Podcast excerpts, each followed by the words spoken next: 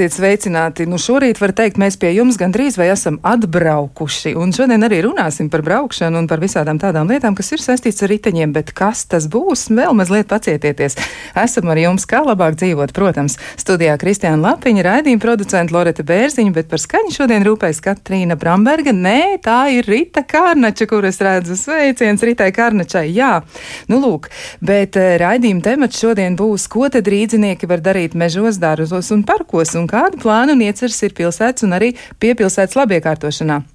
Un, lai mēs varētu izspriest, kas un kā, mēs esam aicinājuši studijā Rīgas mežu valdes priekšsēdētāju Anitu Skudru. Sveicināt! Labrīt! Un vēl esam arī aicinājuši pie sevis ciemos motobraucēju, motosportistu, arī ceļotāju un nu, cilvēku, kurš zina daudzas lietas par specifiskām tādām mm, vietām, kas tiek ierīkotas pasaulē, proti par enduro trasēm un e, saudzīgās enduro kultūras nesējs. Tā tad arī pie viena, un tas ir Mārtiņš Sils. Sveicināts! Labrīt. Nu, lūk, bet vēl pirms mēs ķeramies pie lietas un mēģinām saprast, kas un kā un ko tad mēs Rīgā varēsim darīt pēc kāda laika, nu tāda viena neliela vēsturiska atsauce, proti es atradu datus par Kārli Vītoliņu. Izrādās, ka viņš ir viens no pirmajiem velo braucējiem un arī motosportistiem un bijis slavens mākslas riteņbraucējs, ticiet vai ne, tas tā toreiz saucās. Uzstājās ar speciāliem velosipēdiem, kuriem bija liels priekšējais ritens un mazs atbalsta ritens aizmugurē. Nu, klausītāji droši vien var iztēloties, kā tas izskatās. Un publika viņu ir pazinusi ar iesauku Vitollo. Un izrādās, ka motociklistais pirmo reizi viņš ir startējis 1904. gadā, un varbūt arī tā iemesla dēļ, ka viņa pamatprofesija bija gravēšana, jo viņš bija gravieris ar precīzu un ātru braukšanu, viņš ir ieguvis ļoti daudzas godalgas. Nu, lūk, tā kā mums ir arī pašiem sava vēsture šajā jomā, un mēs patiesi šodien vairāk gribētu parunāt par to, kā varētu mainīties pilsēta un piepilsēta, un kas varētu parādīties jauns, kur mēs varam arī ar tādu, nu, samērā eksotisku, varbūt, sporta veidu nodarboties darboties un arī tādu izklaides veidu brīžam, jo Vēl arī nedaudz ir jāiezīmē tas, ka ir nu, problēma, kas ir radusies, ja, jo Rīgas meži, un šajā gadījumā man jāatsauc uz šo apvienību, jeb organizāciju, tātad apsaimniekojot Rīgā un Pierīgā esošās meža teritorijas, ir konstatēts, ka meži ar tiem pašiem motocikliem vai kvadracikliem tiek izbraukāti, un tas notiek nu, bez tādas saskaņošanas un atļaujas. Un ir tā, ka tas tiešām rada problēmas, un līdz ar to ir jāmēģina izdomāt, ko tad darīt un kā pārvērst problēmu risinājumā, un risinājumu savukārt nu, tādā labā iecerē, kas varbūt varētu aizraut arī citus cilvēkus. Nu, lūk, nu tad eh, došu vārdu Anitai Skudrai, varbūt izstāstīt, kāds ir plāns. Jā, plāns radās, protams, eh, tā apsvēruma pēc, ka mēs saredzējām jau jāatzīst daudz gadu garumā šo problēmu, ka cilvēki vēlas atpūsties dažādi. Un, eh, un līdz šim nu, sabiedrībā bija pieņemts, kas ir atļauts, kas nav atļauts, bet mēs jau arī šobrīd redzam kādu laiku, ka sabiedrība mainās un arī tās robežas mainās, kas ir atļauts, kas nav atļauts, mainās sajūta par to, kam būtu jābūt normāli un kas varbūt ir ārpus šī visa. Un, eh, ja kādreiz eh, jā, nu, šie enduro sportisti, motociklisti, kas brauc pa mūsu mežiem, eh, nu, tika uzskatīti par tādiem nedaudz vandāļiem, nedaudz tādiem brīvdomātājiem, kuriem nav nekādu noteikumu, kuriem nerūp daba, kuri vienkārši mm, sabojā un degradē zemesēdzi un arī tādas dabas vērtības. Un bija tāds, tā kā, nu, tāds jautājums par to, kā tā var. Bet šobrīd mēs saprotam, ka un arī tas nāks ar tādu personīgo pieredzi, jo arī mans dēls mīl motociklu un, un brauc pa mežiem. Tad ir skaidrs, ka, ka, ka mēs nevaram aizliegt cilvēkiem atpūsties. Un šobrīd, kad, kad mēs esam tik daudz iesprostoti it visur, dažādos noteikumos, un arī, arī šī pandēmija mums bija uzlikusi savus, savas prasības par, par izolāciju, cilvēkiem ir vajadzība iziet ārā, iziet dabā. Tātad katrs vēlās citādu šo veidu. Un runājot ar kolēģiem, mēs zinājām un apzinājāmies šo problēmu, un bija skaidrs, ka aizliegt ir vieglākais variants, bet vai tas ir risinājums? Un tas nav nekādā mērā risinājums, un tāpēc radās tiešām šī doma par sankcionētām mototrasēm, pa tām vietām, kur jau šobrīd motociklisti ir bijuši, ir pamēģinājuši tās, tas viņiem tās liekas piemērotas. Mēs saprotam, ka tā cīņa ir kā ar veidzirnavām, un tāpēc labāk noslēgt pamieru, draudzību un skatīties tajā virzienā jau ar tādu sakārtotu skatījumu. Un tāpēc Rīgas meži radīja, ir radījuši tādu konceptu par, par takām, ko sauc par enduro takām. Tātad tās būs kopumā šobrīd plānotas četras iesākumā, un vien, viena no tām tā, tāda īsākā būtu starp jaunvāru un jaunolaini, un tās garums būtu 12 km. Nākamā būtu ropažu novadā Sila kroga apkārtnē, tās garums jau būtu 24 km, un pēc tam mēs arī plānojam e, pie Atara ezera Ādažu novadā, un iespējams, ka Motosporta federācija mēs atradīsim vēl kādu tādas vietas, kas būtu, kas būtu interesantas. Tā kā jā, mēs esam atvērti. Jā, starp citu, mēs pirms eh, teiksim, tā, laidām gaisā šo ideju, mēs ierakstījām Facebookā tādu uzsaukumu eh, un, un jautājumu sabiedrībai, ko viņi par to domā. Un jāatzīst, mēs esam saņēmuši ļoti labas atsauksmes un, un, un tādi komentāri. Beidzot, kāds to par to domā. Paldies, laba iniciatīva. Tā kā mēs esam ļoti, ļoti priecīgi. Jā, ideja patiesi izklausās ļoti laba un iespējams arī tā realizācija ir tāda, ko gaida ļoti daudz cilvēku. Bet kā ir pasaulē? Varbūt mēs varam apjautāties šajā brīdī Mārtiņam Silam, kā tad ir. Jo pasaulē noteikti daudz kur citur ir enduro takas un, un trases izveidotas, un cilvēki arī tās apmeklē, izmanto un tiešām nu, spēj izbaudīt to, ko tās sniedz. Kā tur izskatās? Jā, nu, ja runājam par pasauli, tad pasaulē tā situācija ir ļoti dažāda. Esmu pabraukājis diezgan daudz pasauli un redzējis šo un to. Ir uh, dažādas zemes savā kaut kādā tajā. Nu, zemes sakārtojuma līmenī vai zemes apdzīvotības tajā blī, nu, blīvumā. Līdz ar to nu, tas ir tāpat kā nu, ar jebko dabā, ko līdz cilvēki plašāk plešs ar savu apdzīvošanu. Tā uzreiz tā mežonīgā vide e, nu, paiet nost, viņai jāpiet nost. Tas attiecas gan uz dzīvniekiem, gan arī uz tādiem, tādiem, tādiem cilvēkiem kā motobraucēji, kuriem patīk braukt dziļi dabā, dziļi mežā. Plus, protams, vēl tā problēma šobrīd kļūst arī lielāka dēļ tam, ka tā motobraukšana paliek arvien plašāka, daudz plašāka, daudzskaitlīgāka.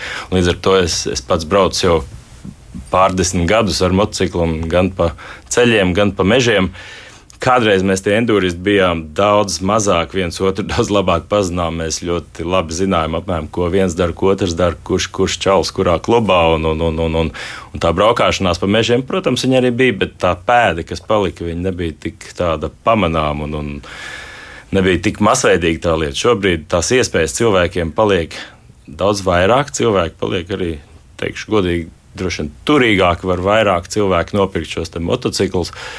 Un, tā lieta paliek arī noteikti nekontrolējamāka. Līdz ar to ne jau visi tie, kas brauc ar to kādu krosu vai enduro mocītu mežā, ne jau visi viņi kaut kā vispār zina.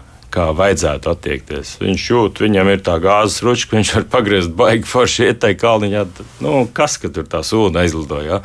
Bet uh, tie, kas mēs esam varbūt tādās sakārtotākos veidos braucam Piemēram, es arī organizēju enduro sacensības. Es rīkoju arī 70, 80 km garu trasi pa mežiem. Mēs izbraucam, mēs saprotam, mums izbrauc 100, 200 sportisti 3, 4 reizes pa to vietu. Ir skaidrs, ka paliks pēda. Mēs pēc tam arī uzņemamies, uzņemamies atbildību, mēs mazliet sakārtojam to vidi pēc tam, un pēc pāris nedēļām neviens to neredz. Uz to brīdi būtībā, kad sacensības visiem ir labi, gan braucējiem, gan tai novadā, kur mēs esam, ir cilvēkiem notikums, ir ko paskatīties, ir interesanti. Bet, bet, jā, bet tā ir tāda kontrovērta pieeja. Arī, teiksim, kas ir motosporta klubi, ja rīko kādus treniņus, vēl kaut ko, tas arī jau vēl kaut cik ir kontrolējams. Bet ļoti liela ir tā masa, kur vispār nu, viņiem nu, nav nekāda tāda varbūt noteikuma. Un tā ir tāda ļoti laba iniciatīva, kas šobrīd notiek, ja mēs varētu tā publiskāk arī dzen, par šo tēmu runāt. Nu, es kādreiz mēģināju teikt, eh, arī ieteikt, ir kādreiz jāatcerieties, bija tāds cūkmens, eh, tāda akcija. Eh, pirms gada, diviem, kad tās problēmas sāk ar vien vairāk samilst, mēs runājam par to, ka varētu arī zin, šādu pašu veidu akcijas run, nu, veidot par to pašu. Uh, uzvedību, braukšanu mežā, kaut kāds, teiksim, motocūkmens. Nu, tā, tāda būtu tāda publiska, varbūt mazliet pakaunināšana, lai tiem cilvēkiem, kas nav saistīti ar to pašu motosporta federāciju, ar kaut kādiem klubiem, vēl kaut ko, lai viņi kaut kā nu, tā taustām jūtam uzzina, nu, ko nevajadzētu darīt. Jo brīžiem ir tā, es arī esmu saticis vienu otru braucēju, kuri brauc tā, kā arī lielākā daļa no mums tādiem organizētiem braucējiem īsti neatzīst tādu braukšanu.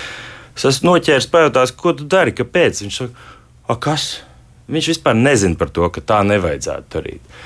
Un šāda iniciatīva, kas šobrīd Rīgas mežos veidojas, manuprāt, ir kolosāli Un ļoti atbalstām arī no motociklistu vidas. Mēs viņu atbalstīsim ļoti. Ja ir tādas vietas, kur tiešām mēs norādām, tur vairāk jūs varat braukt, padauzīties. Tur varbūt mazāk brauciet, tur tās zīmes salieciet. Un tas arī noteikti ir mežiem būtu jāzina, ka nu, ir tās vietas, kur gribam, lai nebrauc, mums ir kaut kā jāparāda tas. Nepietiek, ka vienreiz klusi kaut kur pasakām. Tas ir tāds masīvs darbs, kas būtu. Tāpēc arī teiksim, uz ceļiem liek ceļa zīmes, jo tur visi brauc, un viņi saprot, tur var braukt vai tur nevar braukt. Principā mežā būtu līdzīgi, gan ir jādara.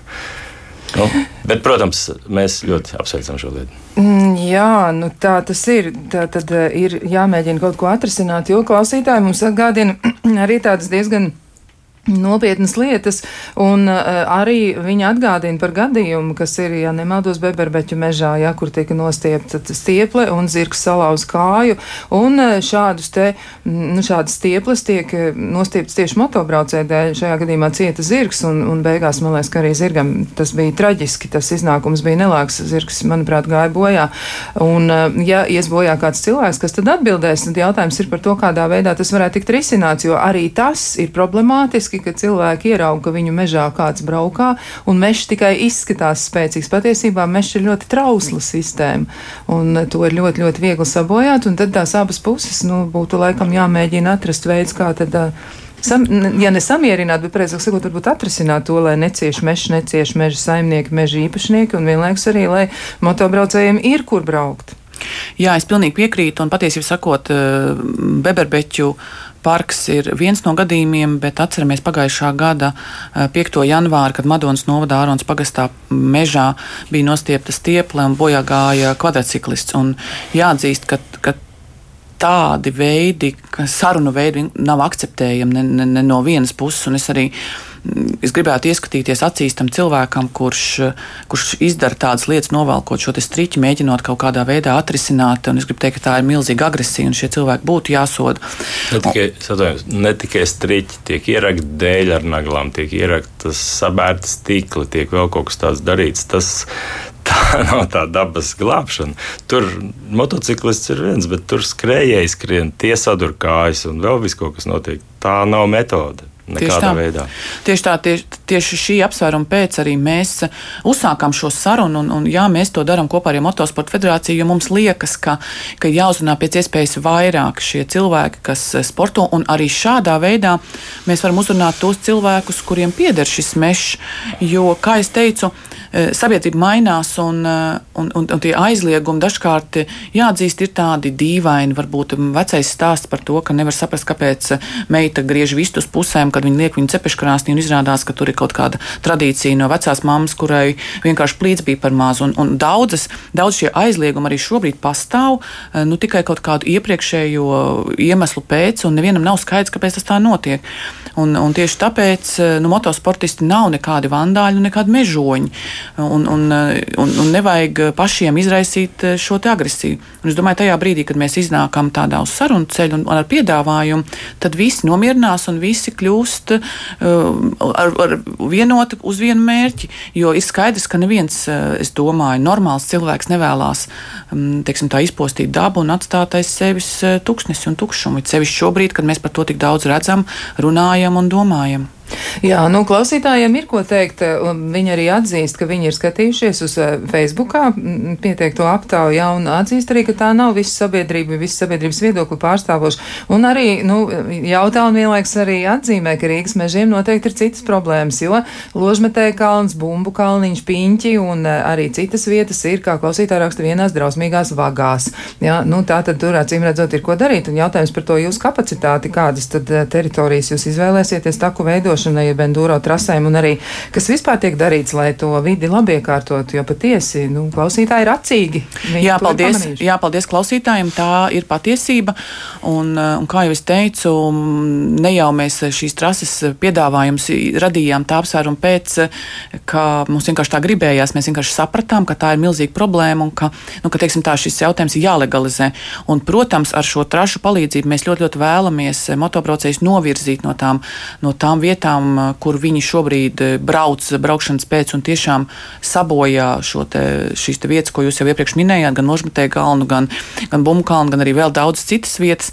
Bet tādējādi tikai runājot un, un, un parādot tās vietas, kur mēs varam atļaut šo darīt, mēs varam arī viņiem teikt, ka lūdzu šajās vietās tomēr nebrauciet. Un jā, mēs jau arī iepriekš esam ļoti daudz strādājuši pie tā, norādot, uzliekot zīmes par to, ka šeit nevajag braukt, ka, kas notiek arī novē, video novērošana, ka mēs esam gatavi sodīt, bet uh, mēs esam sapratuši, ka tās sarunas ir bijušas tāds vienvirziena. Un mūsu kapacitāte ir liela, jāatzīst, bet iespējams, ka mums iepriekš ir bijušas arī citas prioritātes, pie kā mēs esam strādājuši. Vienkārši šis brīdis, kad, kad nu, šis pandēmija mums ir uzlikusi saka, par pienākumu domāt un skatīties, kādā veidā runāt citādi ar sabiedrību, mēs esam vienkārši sapratuši, ka šis ir tas brīdis, iespējams, ka pat pēdējais brīdis, kad mums ir jāķerās pie darba un, un jāver vaļā šis piedāvājums. Jā, nu vēl es arī gribu atgādināt klausītājiem, ka arī raidījuma laikā jūs Latvijas Rādio viens mājaslapā varat paskatīties un piedalīties aptaujā. Un ir arī tā, ka nu, jautājums ir tāds, ja kā jūs vērtējat Rīgas meža iniciatīvu atvērt Latvijā pirmās pastāvīgi darbojušās enduro taks motobraucējiem, ja, tā tad var skatīties, kā labāk dzīvot, atradīsiet. Ja, un, un atbildes ir tādas, ka pozitīvi šobrīd šādu iniciatīvu vērtē 69%, 66,6% 10% ir pozitīvas atbildes, negatīvi 17,4%, bet ir tādi, kuri netic labām pārmaiņām un saka, tāpat brauks, kur gribēs, un tie ir 13% no visiem atbildējušajiem.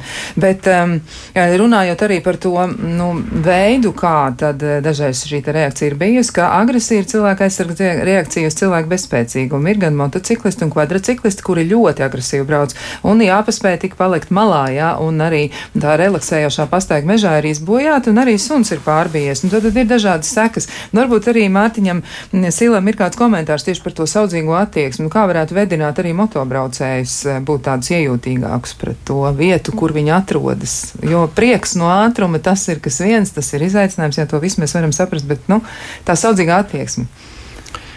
Es varbūt mazliet no citas, no cita gala šeit šo, šo pastāstīšu. Es esmu arī pārstāvis tādai Eiropas pāreiropas takai Latvijā ir mums izveidot kopā ar dombiedriem praktiski visās Eiropas valstīs zem viena tāda konkrēta cilvēka virsvadības. Pēdējos gados mēs esam kopā izveidojuši tā saucamo Trans-Europe Trail, eh, kas ir taka.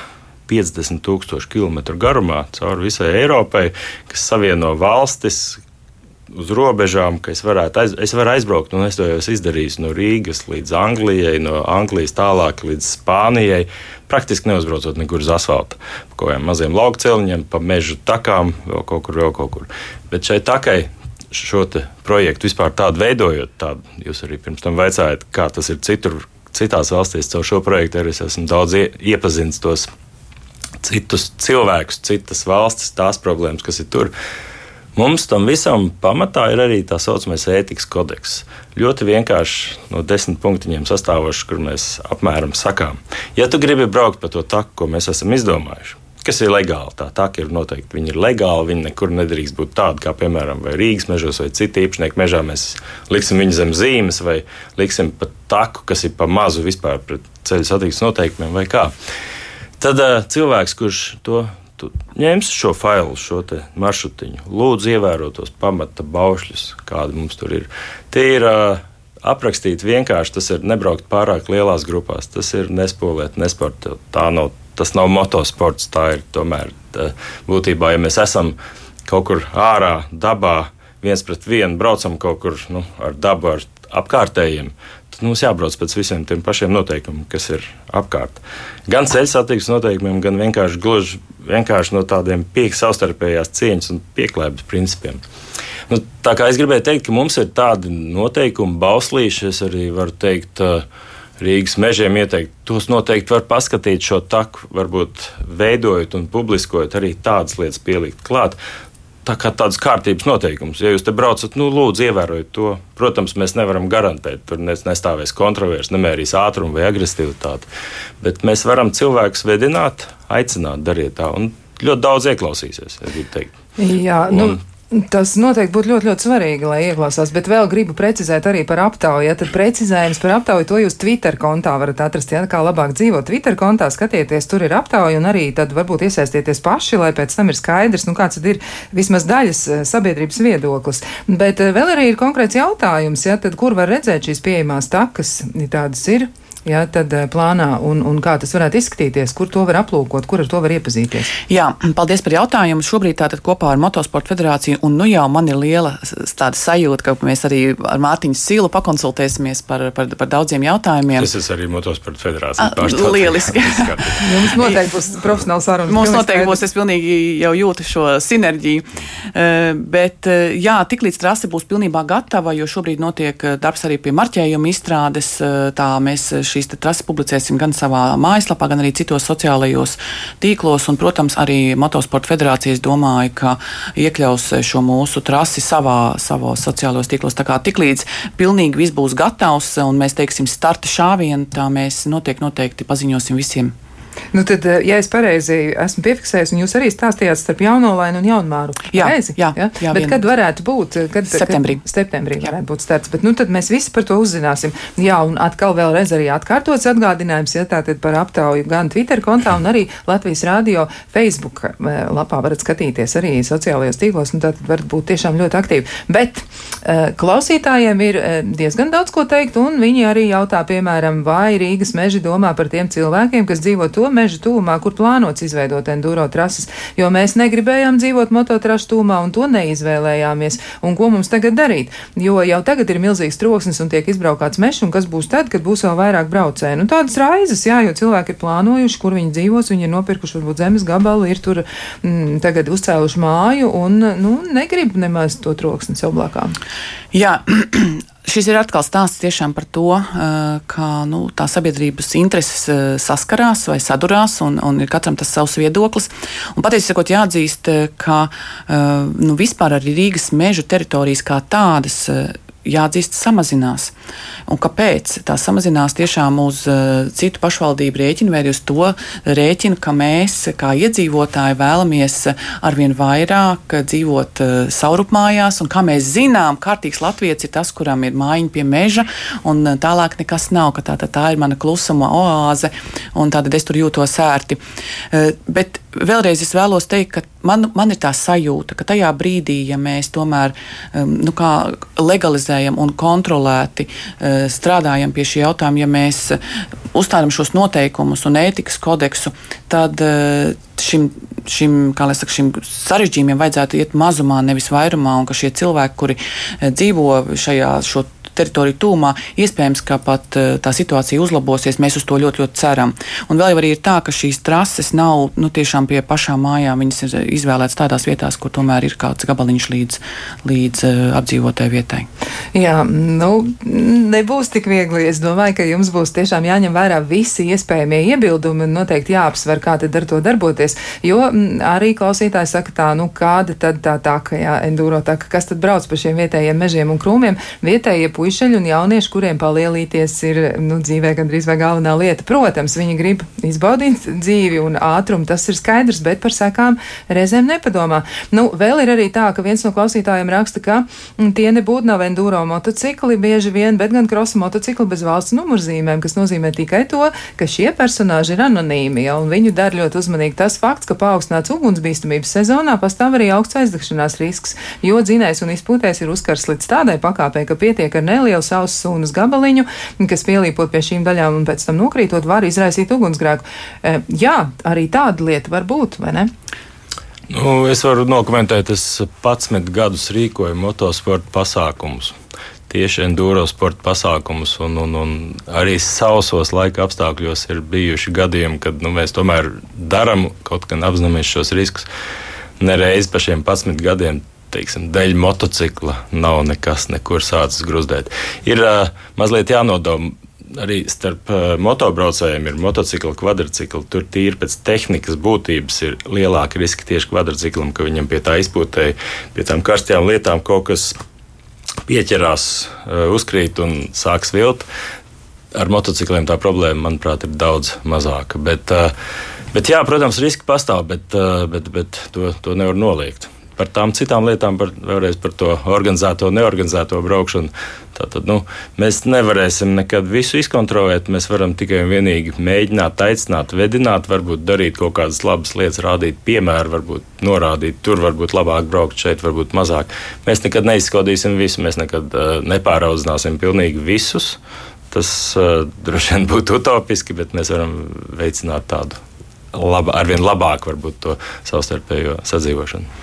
Jā, un ja es varētu papildināt tad, tad par šiem sacīkšu motocikliem, tas ir tāds jautājums, kas noteikti būtu jā, jāskatās jau, nezinu, CSDT vai varbūt kādai citai institūcijai, eh, lai tiešām mēs arī esam novērojuši to situāciju, ka šie tieši tie cilvēki, kuri ir tā, kuriem tā nesodāmības sajūta, anonimitātes sajūta, tā, tie patiesībā ir tie bīstamākie.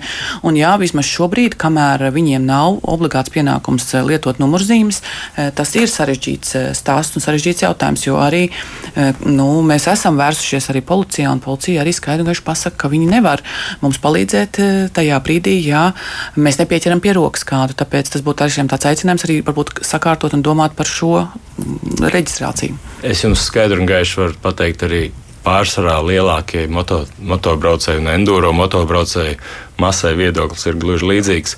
Tātad ar, ar nereģistrētiem motobraucējiem uz ceļa un ārpus slēgtām trasēm nav īsti ko darīt. Tas nav, tas nav priekš tam domāts.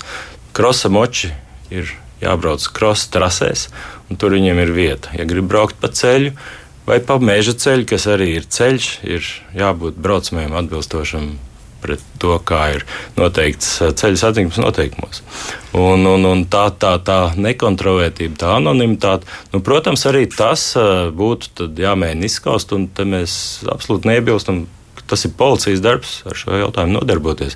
Mēs gribētu tiešām, lai tur kaut kādā veidā šīs lietas arī arī policija sāk pievērst šim uzmanību. Nu. Jā, jo lielākā daļa spēka taču iet caur CSDD, kā arī raksta viens no klausītājiem, jā, un tad varētu arī būt nu, tāda konkrēta statistika, un vienlaiks arī varētu būt nosacījums, ja, ka trasē var būt tikai spēkrats, kuram tad ir tā numurzīme. Nu, krosa moči nē, bet tāpēc tas tā ir iekārtots, ka tieši tie krosa motocikli, viņi ir domāti priekš slēgts trases jā, un nu, priekš nu, tā sporta veida. Jā. Ar krosa motocikliem pat nedrīkst braukt enduro sacīkstēs.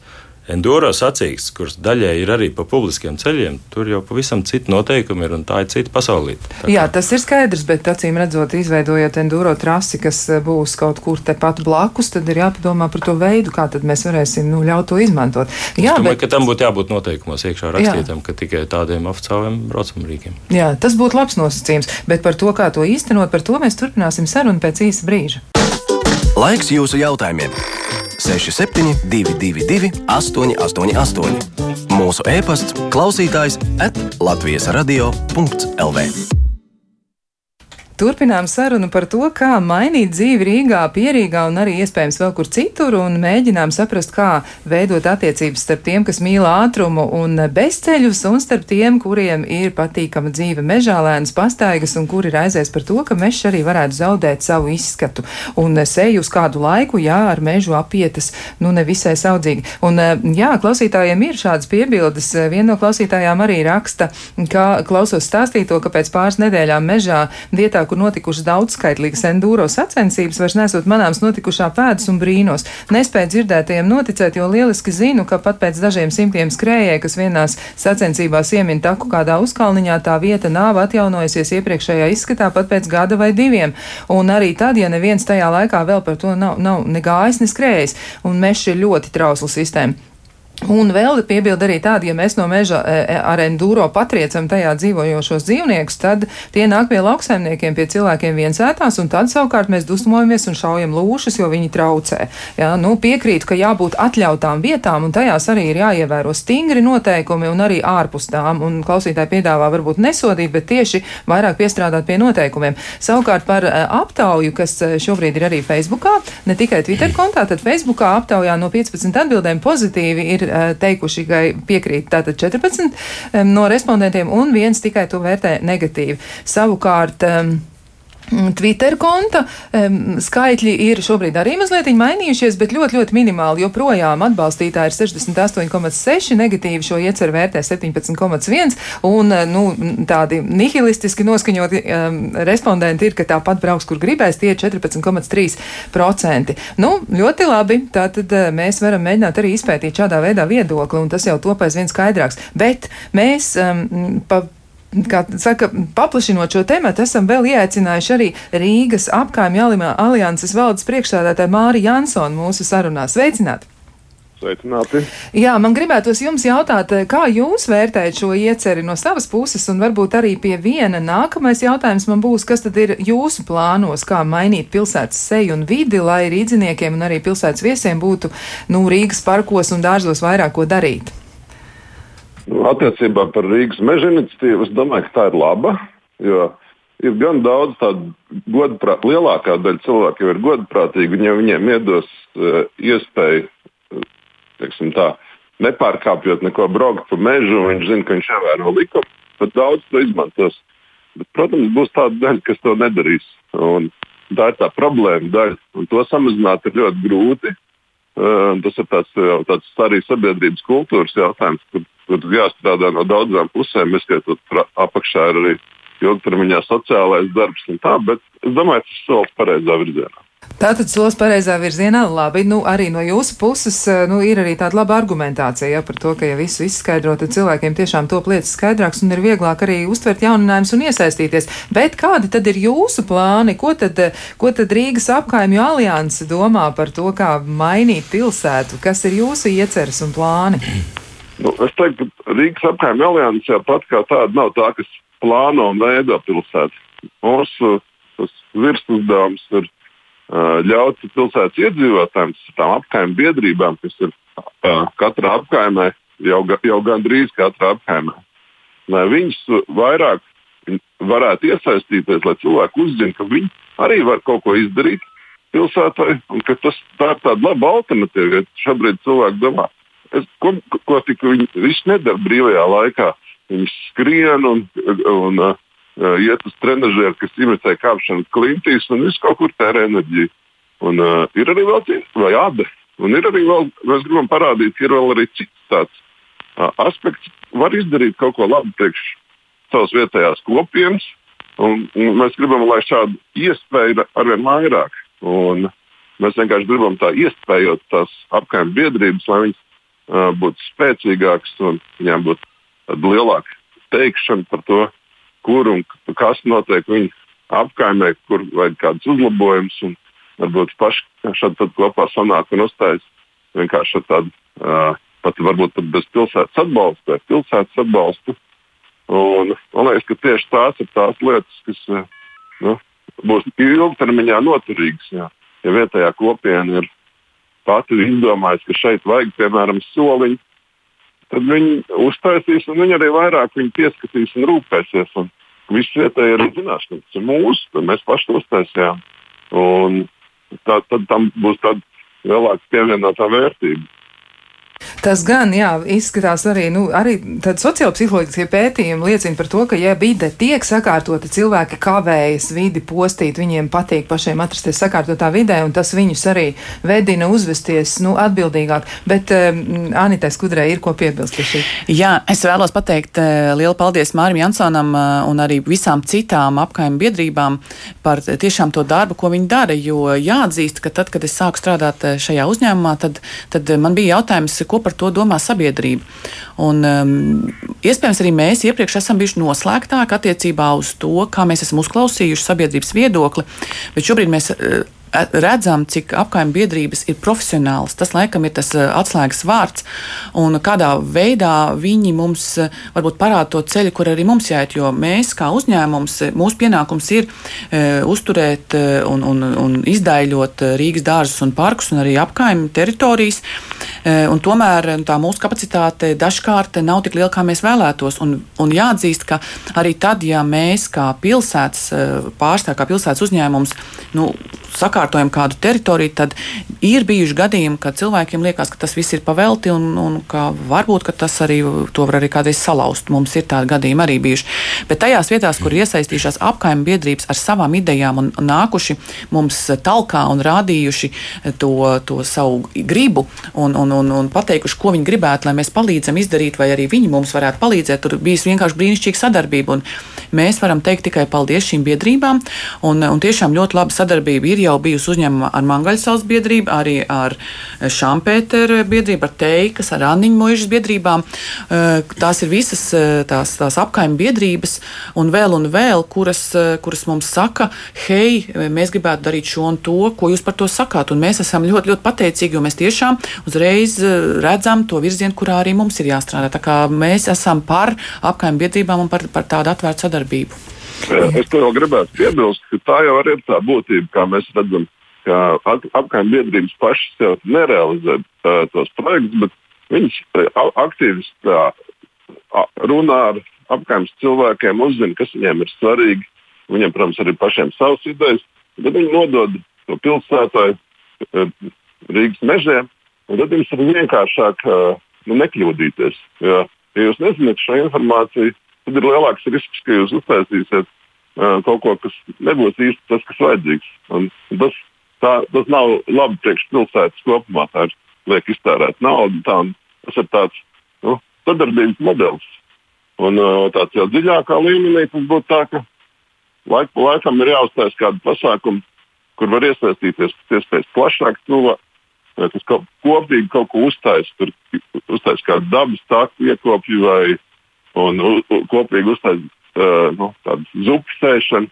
Tā tāds pasākums, kas visus vieno, kas rada pozitīvas emocijas, var labi padarīt darbu, uh, rada sociālos kontaktus. Tas ir ļoti veselīgi tādai labai pilsētai. Visas pilsētas labās, kuras mēs, kurām mēs skatāmies un uh, domājam, ka mēs gribētu dzīvot tādā pilsētā, vai tas ir, uh, nezinu, tā ir Sigulda vai kaut kur ārzemēs, Viņās visās ir spēcīgas iedzīvotāju kopienas. Tā, tā ir tāda neatņemama sastāvdaļa. Jā, tas varētu būt par, par nu, iedzīvotāju sociālo solidaritāti, jā, par to, ka viņi viens otru gan uzmundrina, gan atbalsta, gan arī reizēm pasaka, nē, nē, nē, tā darīt nevar. Jā, un arī viens no klausītājiem raksta tā, ka nu, viņa novērojums ir tāds, ka motobraucēji, nu, viņš apvieno motobraucējus, nu, neapvainojieties, jā, jūs esat tepat blakus, un jums noteikti ir cits viedoklis, bet viņa viedoklis ir tāds, ka nu, viņš saka, motobraucēju kultūra ir zem katras kritikas, mani jau nenoķers, nesodīs, un ko tad man var izdarīt? Diez kā pēc ārzemēs, Anglijā un Īrijā, jā, tur motobraucējiem nemaz neienāk doma par galvā braukt kaut kur neatļautās vietās. Ja? Nu, tas laikam tomēr ir par to izpratni, izpratnes līmeni un attieks, attieksmi pret to visu. Un vēl arī tāds diezgan skarbs komentārs ir um, viena no klausītājiem raksta, kā klausoties eh, speciālisti, man ir sajūta, mm, un to sajūtu viņi mēģina aprakstīt. Un viņi dzīvo Silakrogā, un Silakrogā iedzīvotājiem pastaigājoties pa mežu, kur jau tūmā darbojas šautuve un ir 333 trase, jā, nereti pa mežu un ne tikai takām un ceļiem tiek nežēlīgi izpostīta zemesēdze un arī tiek biedēti meža iemītnieki, nemaz nerunājot par cilvēkiem, kuri nav šo ekstrēmo sporta veidu cienītāji. Un, uh, Viņas novērojums ir tāds, ka nu, turīgiem cilvēkiem, acīm redzot, jā, īsti nav noteikumi vai sirdsapziņas. To var dzirdēt, redzēt un sajust tik uz soļa, jo īsti neviens par to nu, nedomā. Tajā nozīmē, ka nekontrolē.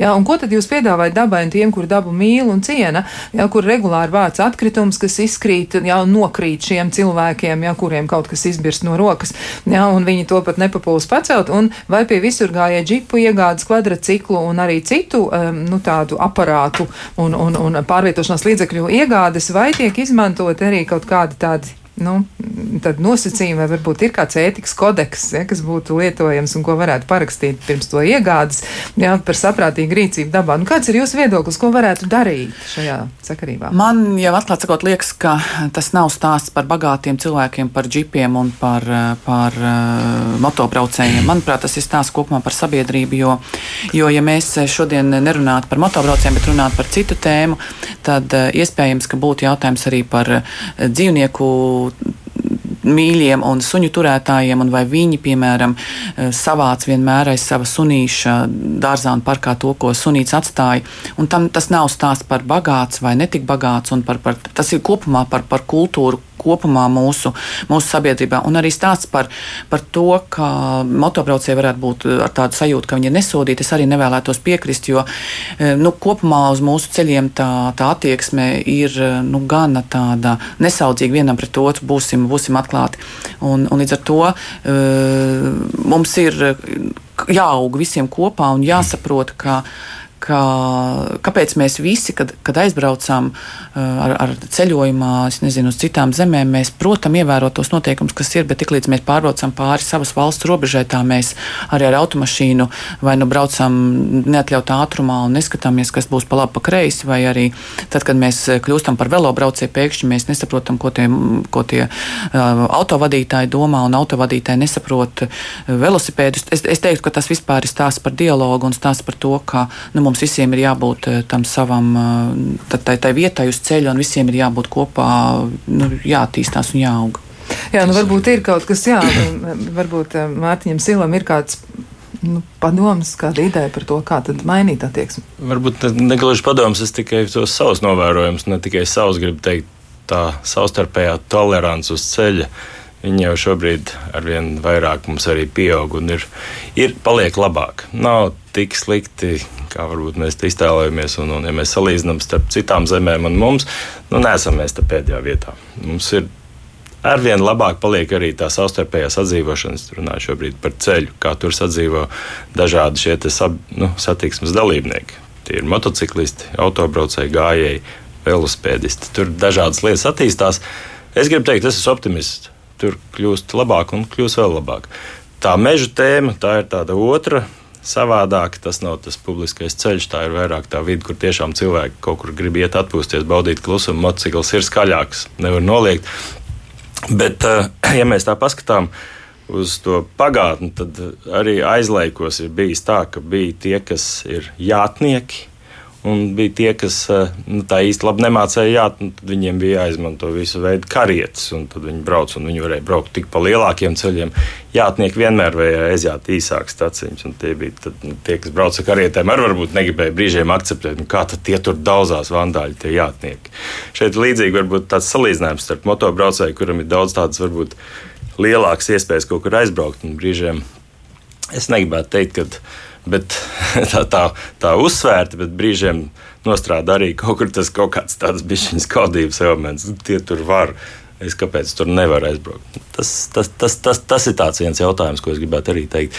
Bet uh, par Angliju, īriju pieminēju, vai tur tā vai savādāk. Es to manis pieminēto taku, pieminot vēlreiz Eiropas taku, viņi ir dzimusi tieši no Anglijas, no Francijas šiem cilvēkiem un pie tie, tie, tie cilvēki tur jau šos jautājumus, ko mēs šobrīd apspriežam, risina 20 gadu garumā, cik es esmu ar viņiem, ar turienes tiem lainsmeņiem runājies. Un viņiem veidojas pat biedrības, tādas bezceļu braukšanas biedrības, kuras zināmā mērā tomēr šīs tiesības uh, grib saglabāt, kaut kur tā vai savādāk braukt. Un tur tās lietas, šādas takas, kā šī Trans-Europe Trail, var jebkurš interesants paskatīties internetā arī šos ētikas kodeksus un vēl visādas lietas, kas ir ap to ir, tas ir tas ceļš, kā arī tur tās lietas savstarpēji sakārtojas. Un tad ir tā taka, tad pie tās takas cilvēki arī tomēr mazliet vairāk pierod, ka ir tie braucēji. Ja tur ir kaut kādi tie, kas nu, arī man šeit Latvijā veidoja taku, bija diezgan daudz gadījumu, nu ne daudz, daži gadījumi, teikt tā, kad man cilvēki sazinājas ar mani, kas tas ir, kāds te brauc, kas tas pārprāt, kāpēc tik ātri kāds brauc. Bet tad arī man no manas puses ir nākusi šī tāda zināmā skološana par tiem braucējiem, kas brauc pa šo taku. Nu, lūdzu, brauciet tā rāmāk, tā, tā pieklājīgi galvenais. Un, un tas ir tas, ko mēs varam darīt. Mēs varam, mēs varam mazliet dot, palīdzēt organizēt, bišķiņi izkopt to vidi, sakārtot. Šī tā arī ir tādā zināmā mērā sakopts braucam gabals, kur mēs dodam cilvēkiem zināms, ka tā būs legāla braukšana. Rīgas mežos šobrīd veidojas šī iniciatīva, tas, manuprāt, ļoti apsveicam. Būs kaut kāds nosacītais tāds poligoniņš, kur mēs tad virzam, nu, brauciet tur. Es ceru, ka tur būs iekārtos, būs kaut kādas zīmes, būs zīmes, kas saprotams tam braucējiem, būs zīmes, kas saprotams tiem, kas, kas šķērso to taku, lai ir uzmanīgāki. Jo tā ir tāda tomēr. Nu, lielāks ātrums motociklam. Ja tā vide būs sakārtotāka, tur būs daudz labāka sadzīvošana. Jā, nu es eh, arī skatos eh, informācijā, tad ir par to, ka maršruti tiks marķēti, aprīkoti un arī tad braukšana būs gan saprotama un droša, gan arī būs stāvlaukumi un eh, varēs piekļūt ar auto, atkritumu urnas un arī dažādi veidi informācijas stendi. Nu, izskatās tomēr, ka sabiedrība ir ļoti, ļoti iesaistījusies šajā diskusijā un vēl ir ļoti daudz jautājumu, kas būtu jāatrisina un iedzīvotāju viedoklis nepavisam nav, kā saka, tikai vienā virzienā. Viņi atbalsta lielākā daļa šo taku izveidošanu tā iemesla dēļ, ka tad tas tiks pāraudzīts, tas tiks, nu, negribas izmantot vārdu kontrolēts, bet nu, tiešām tiks pāraudzīts un pieskatīts.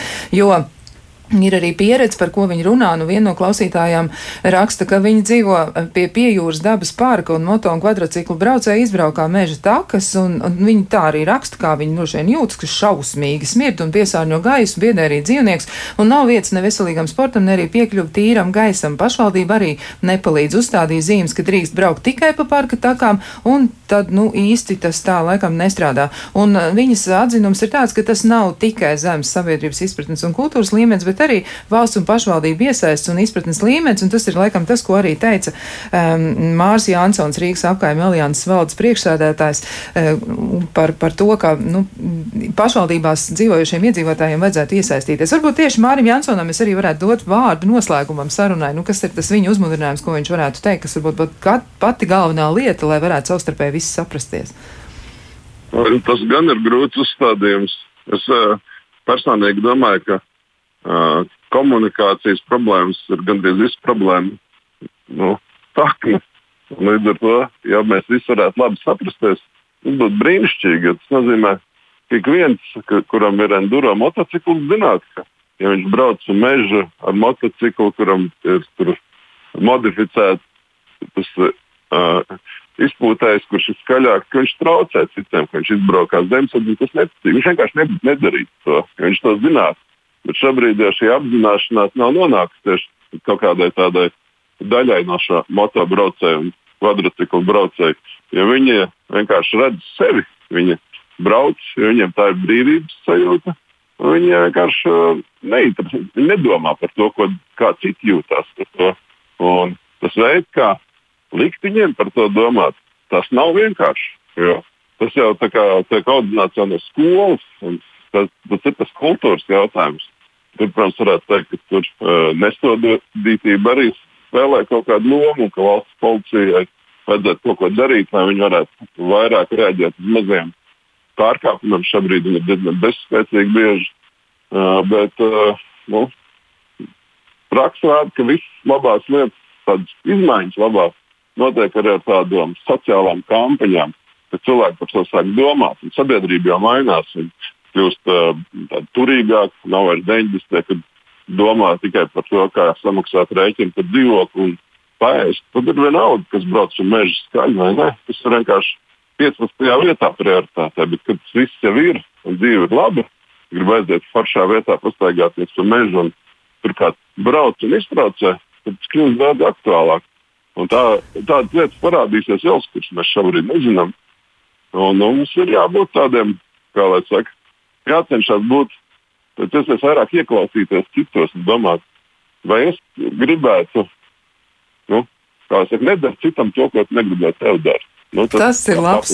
Jā, tas ir ļoti labs noslēgums šim visam, jo diskusija ir ierosināta, viedokļi ir, un izskatās arī, ka aptaujas dati liecina par to, ka pozitīvi atbild dod 70% no aptaujātajiem, negatīvi iecer vērtē 15%, un 15% ir arī skeptiski. Nu, ko šajā brīdī es saku paldies Rīgas meža valdes priekšsādātājai Anitai Skudrai, motobraucējiem Mārtiņam Silam un arī Rīgas apkaimju alianses valdes priekšsādātājiem Mārim Jansonam. Mēs savukārt ar klausītājiem tiksimies rīt, un tad mēģināsim saprast, vai vīns mūsu dzīvē dara ko labu, vai tieši otrādi rada kādu kaitējumu. Bet, ja jūs gribat vēlreiz izzināt diskusijas nianses, varat klausīties arī raidījuma atkārtojumā 20.05 vai meklēt arhīvā. Ar jums kopā bija Kristiāna Lapiņa, un mēs atkal tiekamies nākamajā sarunā jau citā reizē. Kā labāk dzīvot?